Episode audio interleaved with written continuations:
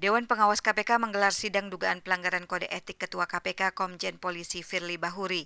Ia diduga melanggar kode etik karena diketahui sempat menggunakan moda transportasi mewah berupa helikopter dengan jenis Helmosin beberapa waktu lalu. Peneliti dari Indonesia Corruption Watch atau ICW Kurnia Ramadana meminta Dewan Pengawas KPK memeriksa Ketua KPK Komisaris Jenderal Firly Bahuri secara transparan dan akuntabel. Dia mendesak Dewan Pengawas berani menjatuhkan sanksi berat terhadap Firly karena diduga pelanggaran yang dilakukan oleh oleh dia bukan pertama kali. Kurnia menekankan jika Deputi Pengawasan Internal di KPK periode sebelumnya berani menjatuhkan sanksi atas pelanggaran kode etik yang dilakukan dua pimpinan KPK, Abraham Samad dan Saud Situmorang, tentu hal semacam ini harus juga diteruskan oleh Dewan Pengawas. Kenapa ini penting? Karena kalau sudah jelas ada dugaan pelanggaran kode etik dan itu dibiarkan oleh Dewan Pengawas, publik akan tiba pada satu kesimpulan. Untuk apa ada Dewan Pengawas kalau toh ternyata Deputi Pengawas Internal lebih objektif, lebih peka dengan perdebatan di tengah publik terkait dengan perilaku dari seorang pimpinan. Kurnia menekankan ICW cukup kecewa dengan kinerja Dewan Pengawas. Sejak dilantik pada Desember tahun lalu, sudah banyak dugaan pelanggaran kode etik yang dilakukan oleh Firly, tetapi tidak ditindaklanjuti untuk sampai sidang pemeriksaan.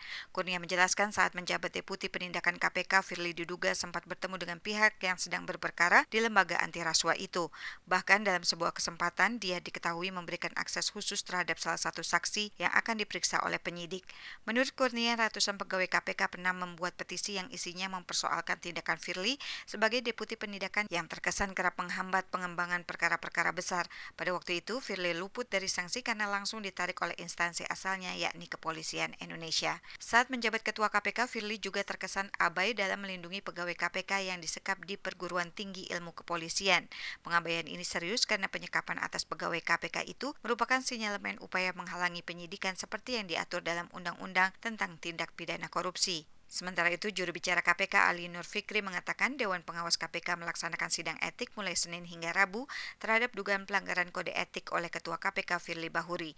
Sesuai ketentuan yang berlaku di Dewan Pengawas, sidang kode etik tersebut berlangsung tertutup, namun putusannya akan disampaikan secara terbuka. Terkait dengan sidang etik ini tentu siapa pun yang menjadi terlapor dugaan pelanggaran kode etik baik itu pimpinan maupun pegawai KPK berkomitmen akan hadir uh, siap memenuhi panggilan uh, proses-proses klarifikasi dan juga pemeriksaan oleh Dewan Pengawas KPK. Ali menjelaskan KPK memahami tujuan dari penegakan kode etik ini untuk menjaga lembaga KPK dan nilai-nilai etik yang berlaku di KPK saat ini yang memang harus dipatuhi oleh pimpinan dan semua pegawai KPK.